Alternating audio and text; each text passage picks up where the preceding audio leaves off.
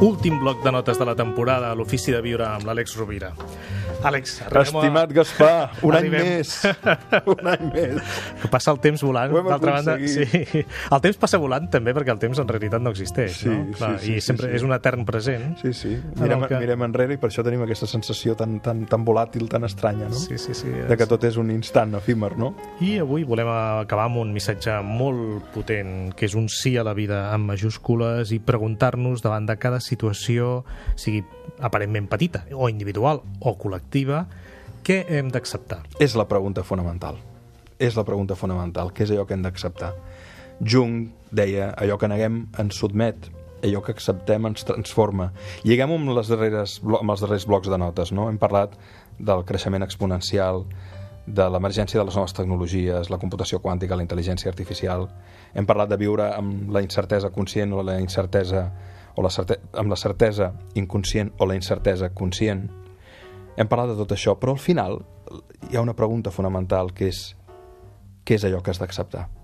T'agradi o no t'agradi, la vida et pregunta sovint aquesta qüestió. Quan hi ha un no a l'acceptació d'allò que tenim en la realitat que ens envolta, quan la neguem, és un no a la vida. Quan l'acceptem és un sí a la vida i, per tant, s'obren noves possibilitats de transformació. Que la teva parella et diu que no vol seguir amb tu, que has d'acceptar que t'has de formar per preparar-te per uns nous escenaris i desafiaments professionals, què és allò que has d'acceptar? Que hi ha un percentatge, una massa crítica de la, de la població que vol expressar el seu dret a l'auto- a l'autodeterminació, què has d'acceptar? Perquè mentre no ho acceptis, mentre ho intentis controlar des de la submissió, la negació, la repressió, el dolor, només faràs créixer aquella forma de vida, aquella forma de consciència que es vol expressar, encara que tu et sembli amenaçant, horrible, contradictòria, què has d'acceptar?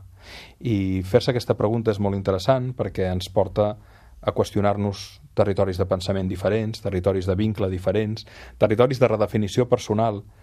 Jo crec que l'acceptació no és resignació, l'acceptació ve de la consciència, ve d'un pensament crític, ve de sentar-se a reflexionar i també des d'una apertura energètica interna, no? de mirar què tens al voltant, a la vida, adonar-te'n del que hi ha, perquè al final el que manarà sempre és el principi de realitat.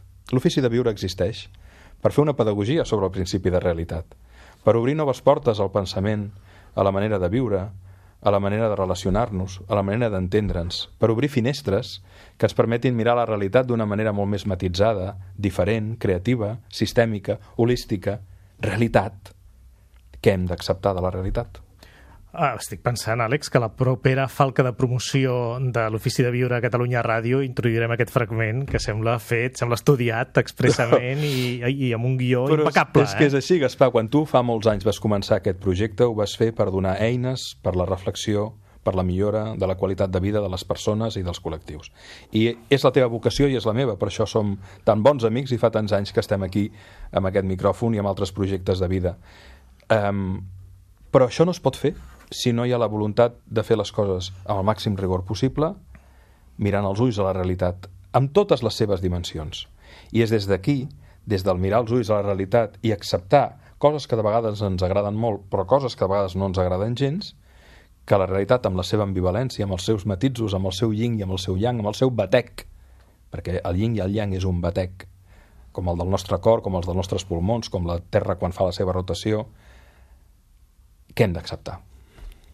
Àlex, moltíssimes gràcies. A tu sempre, Un amic. any més, que tinguis molt i molt bon estiu. A tothom una abraçada immensa i gràcies per seguir-nos a l'Ofici de Viure de Catalunya Ràdio. Una forta abraçada als oients, també. Moltíssimes gràcies. Aquest estiu ens podreu escoltar cada dia en remissió dels millors programes de l'Ofici de Viure de 10 a 11 de la nit. Molt bon estiu.